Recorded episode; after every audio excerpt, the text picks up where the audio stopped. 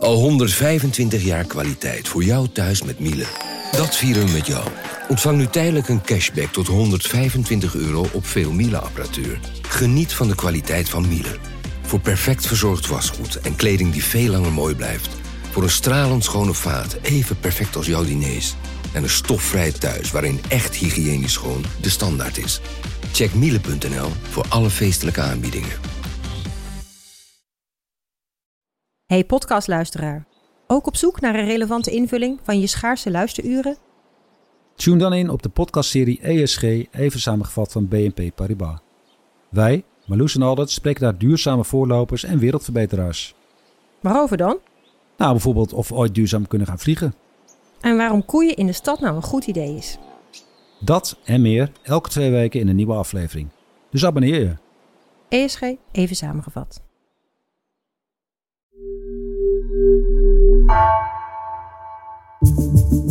Vanaf de redactie van NRC het verhaal van vandaag. Mijn naam is Gabriella Ader.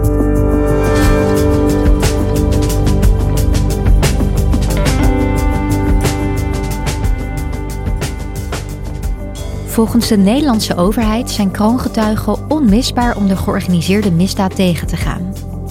Maar tegelijkertijd blijkt zij de veiligheid van deze getuigen en hun omgeving niet te kunnen waarborgen, ziet justitieredacteur Jan Meijers. Hij ontdekte dat de veiligheid van een familie van Nabil B., kroongetuigen in een grote strafzaak Marengo, simpelweg niet serieus genomen werd.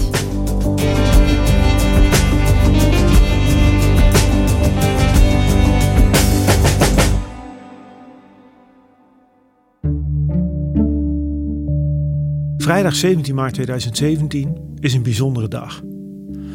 Dan gaat Nabil B. in gesprek met zijn familie over een deal die hij wil sluiten met het Openbaar Ministerie. Hij zit dan al een paar maanden vast en zo'n deal is geheim. En dat gesprek is geregeld door het OM en vindt plaats in de bunker in Amsterdam-Osdorp. En Nabil wordt daar uh, met beveiligd transport naartoe gebracht. En een deel van zijn familie ook. Zijn moeder en een zus en een broer. Die mogen niet rechtstreeks naar de bunker komen, dus die worden naar Schiphol gedirigeerd. En dan worden ze daar opgehaald in, een, uh, in zo'n zwart busje met uh, geblindeerde ramen. En tijdens die bijeenkomst in de bunker blijkt eigenlijk dat de hele familie van Nabil tegen het sluiten van een kroongetuigendeal is.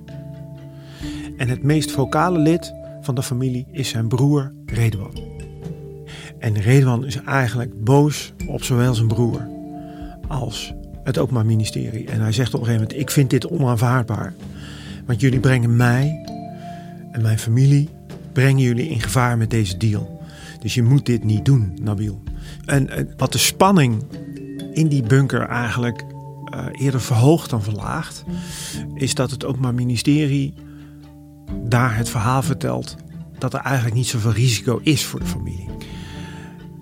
En als je die film dan helemaal doordraait. Goedemorgen, u kijkt naar een extra uitzending van het AT5 Nieuws. In Noord is vanochtend een man doodgeschoten in een pand aan de TT Melissaweg. Het gaat om de broer van een kroongetuige in een grote liquidatiezaak. Dan is het navrante dat Redouan, de man die de hele tijd vragen stelt aan het Openbaar Ministerie. De man die de hele tijd waarschuwt. Die man, die wordt dan uiteindelijk op 29 maart 2018 doodgeschoten in Amsterdam-Noord. En voor mij is altijd de vraag geweest, wat is er nou eigenlijk gebeurd in die periode?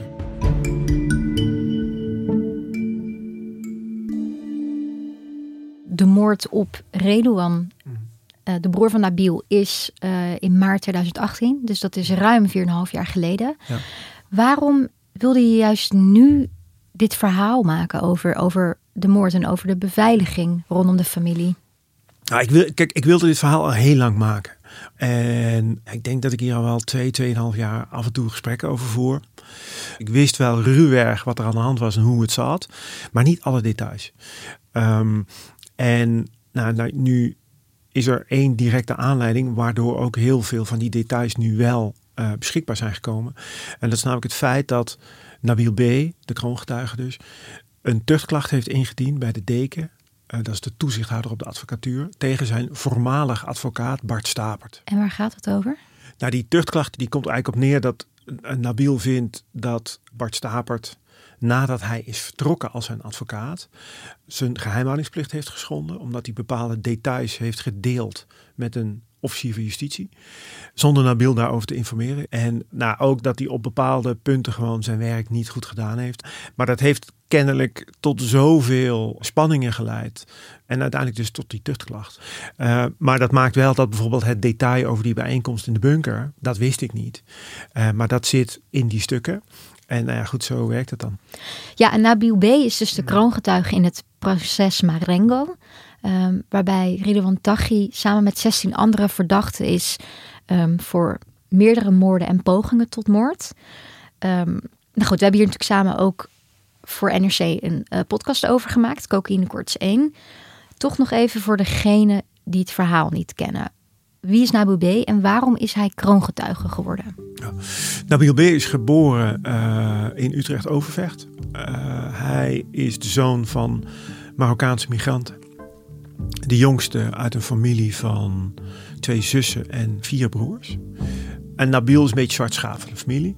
Die uh, komt in de georganiseerde misdaad terecht. En leert dan iemand kennen die in dit verhaal ook wel een rol speelt. Dat is namelijk Mo Razouki. En via die Razoukis komt Nabil in het netwerk van Ridwan Taghi terecht.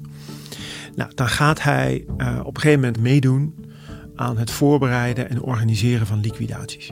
En dat gaat in begin 2017 gaat dat mis. Um, Nabil is dan betrokken bij het voorbereiden van een moordaanslag en levert daarvoor een auto. Maar de schutters vergissen zich en schieten in plaats van het echte doelwit, schieten ze een lid van een invloedrijke Utrechtse misdaadfamilie dood. En dat is ook een familie die de familie van Nabil heel goed kent. Um, en heel kort door de bocht gezegd, komt hij dan te zitten tussen de hamer en het aanbeeld. Want die familie, die komt erachter dat Nabil de auto heeft geleverd voor de schutters. En die willen weten, hoe zit het? Wie is jouw opdrachtgever? Voor wie heb jij dit allemaal gedaan? Die laat het er niet bij ja. zitten natuurlijk. En aan de andere kant zit Ridwan Taghi, ook niet de kleinste in dat milieu. En die zegt, je moet je mond houden. En Nabil voelt, dit gaat fout. Dus hij ziet uiteindelijk geen uitweg en kiest er dan voor om uh, te gaan praten met de politie. Uiteindelijk zal daar een deal uit voortkomen. Hoe gaat dat in zijn werk? Hoe ziet zo'n deal eruit? Hoe, hoe komen ze tot zo'n deal? Nou, dat is een vrij complex proces. Het begint eigenlijk met de vraag: wie ben jij? Wat weet jij? En is dat bruikbaar? Dus uh, op het moment dat zo iemand zich meldt, dan wordt er gezorgd voor rechtsbijstand van die uh, verdachte, want hij is op dat moment verdachte.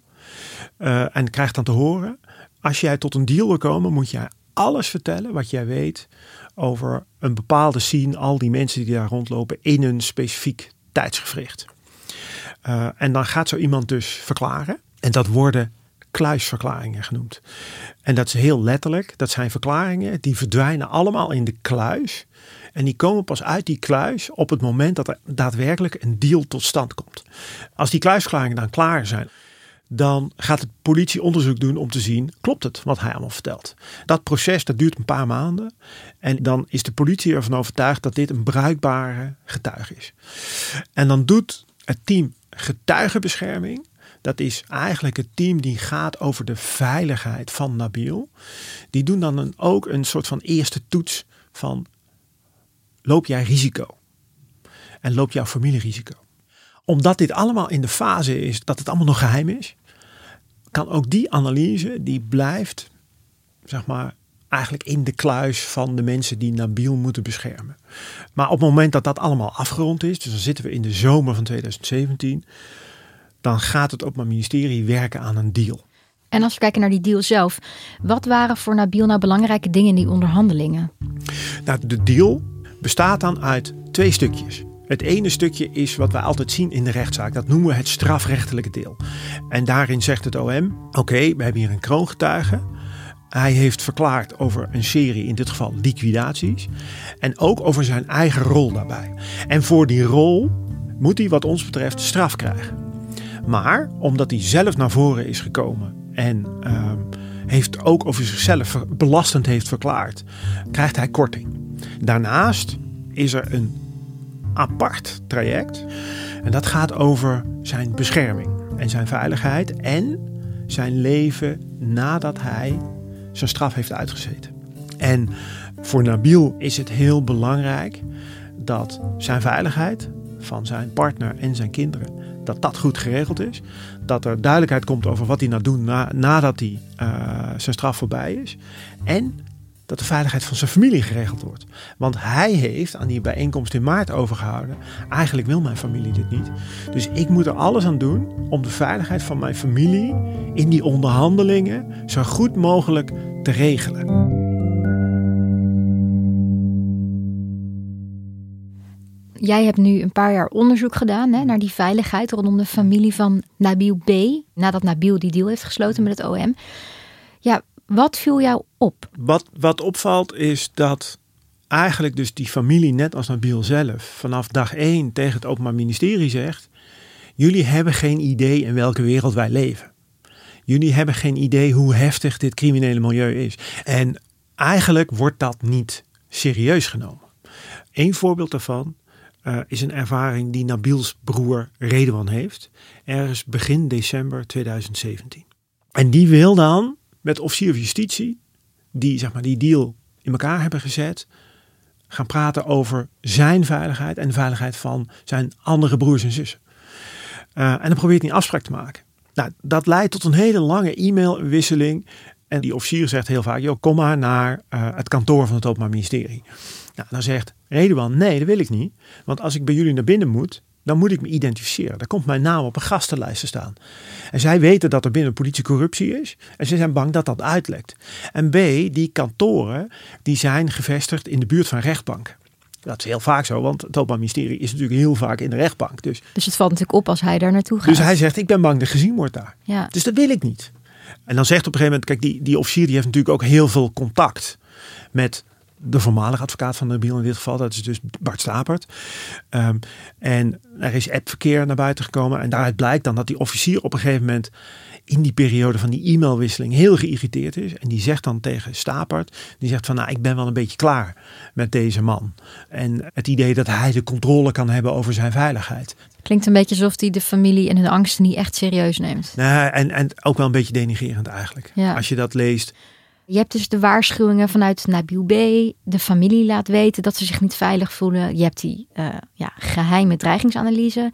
Waarom denk je dat het OM dan toch dit allemaal niet serieus neemt?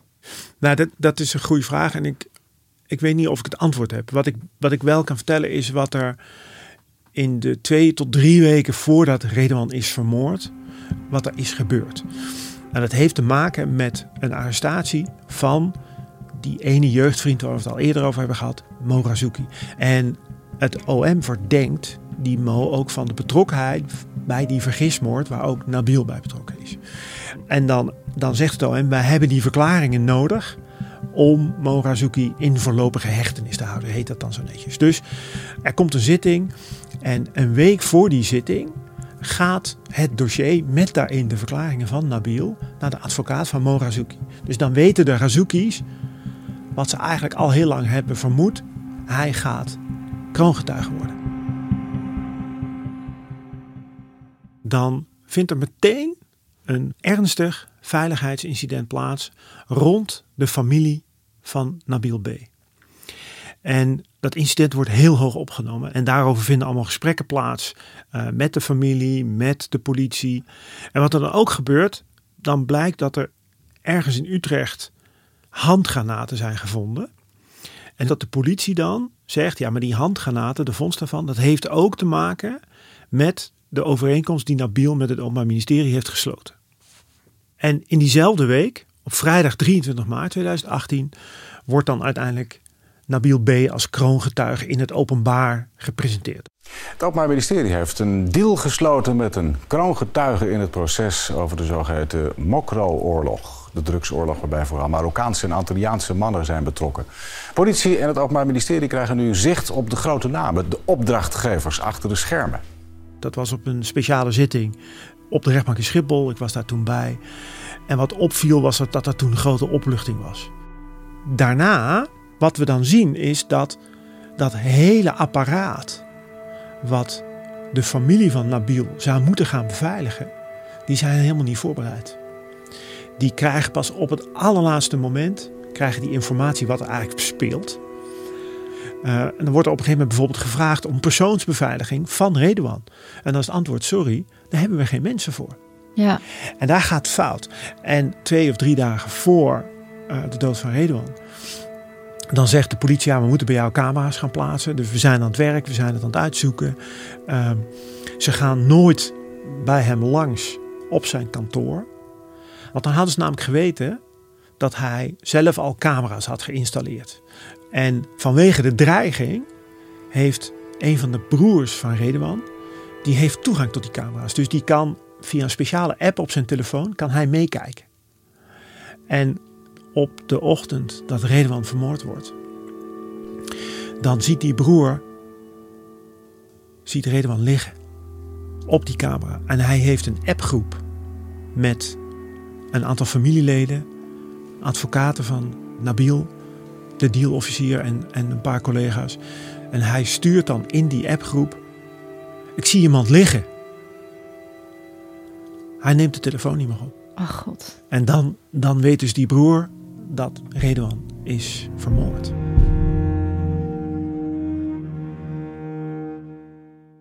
En hoe is de veiligheid van de familie van Abu B nu geregeld? Nou, dat is, voor zover ik daar overzicht over heb, is dat nog steeds problematisch. En eigenlijk, wat er met Redouan is gebeurd, gebeurt anderhalf jaar later met een van Nabil's advocaten, Dirk Wiersum. Die wordt ook vermoord.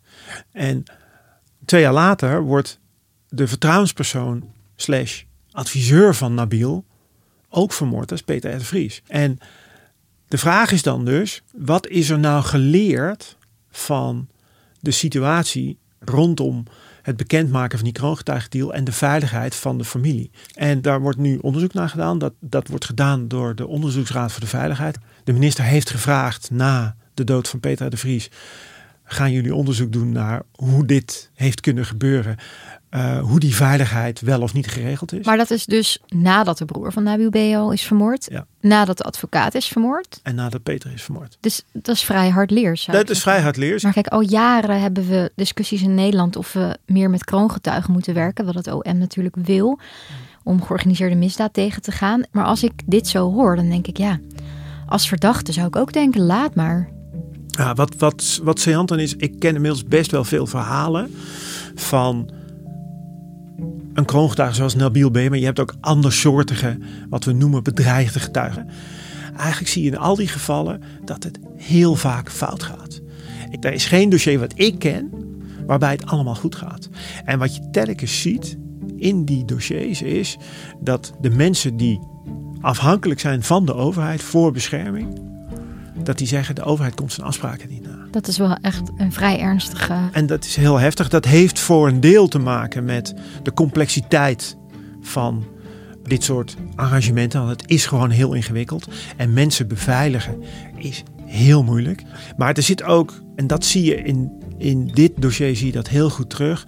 Er zitten grote verschillen in de leefwerelden van de mensen die binnen de opsporing werken en zo'n familie die zeg maar de straat kent. En ik denk heel vaak dat die leefwerelden en het serieus nemen van die mensen, dat dat vaak fout gaat. En in het geval van, van Nabil B. is dat gewoon heel navrant. Want die man, die wordt dus kroongetuige omdat hij geloofwaardig en betrouwbaar verklaart over een hele lange serie liquidaties. Waarvan het OM zegt, die willen we oplossen. En dan is het allemaal prima. En op het moment dat hij zegt, ja, maar mijn veiligheid en de veiligheid van de familie is in gevaar vanwege de heftigheid van de mensen over wie ik tegen jullie verklaar, dan zeggen ze, ah, dat weten we nog niet zo net. Ja, hoezo nou eigenlijk? Ja. Want ik denk uiteindelijk dat dat de belangrijkste grief is van Nabil. Hij voelt zich niet serieus genomen en hij heeft daar de consequenties van moeten dragen. Ja, nou, hele zware consequenties. Dankjewel, Jan. Graag gedaan.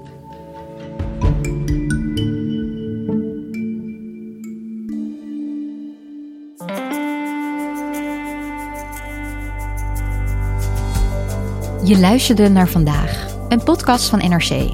Eén verhaal, elke dag. Deze aflevering werd gemaakt door Ignaas Schoot en Bas van Win. Dit was vandaag, morgen weer.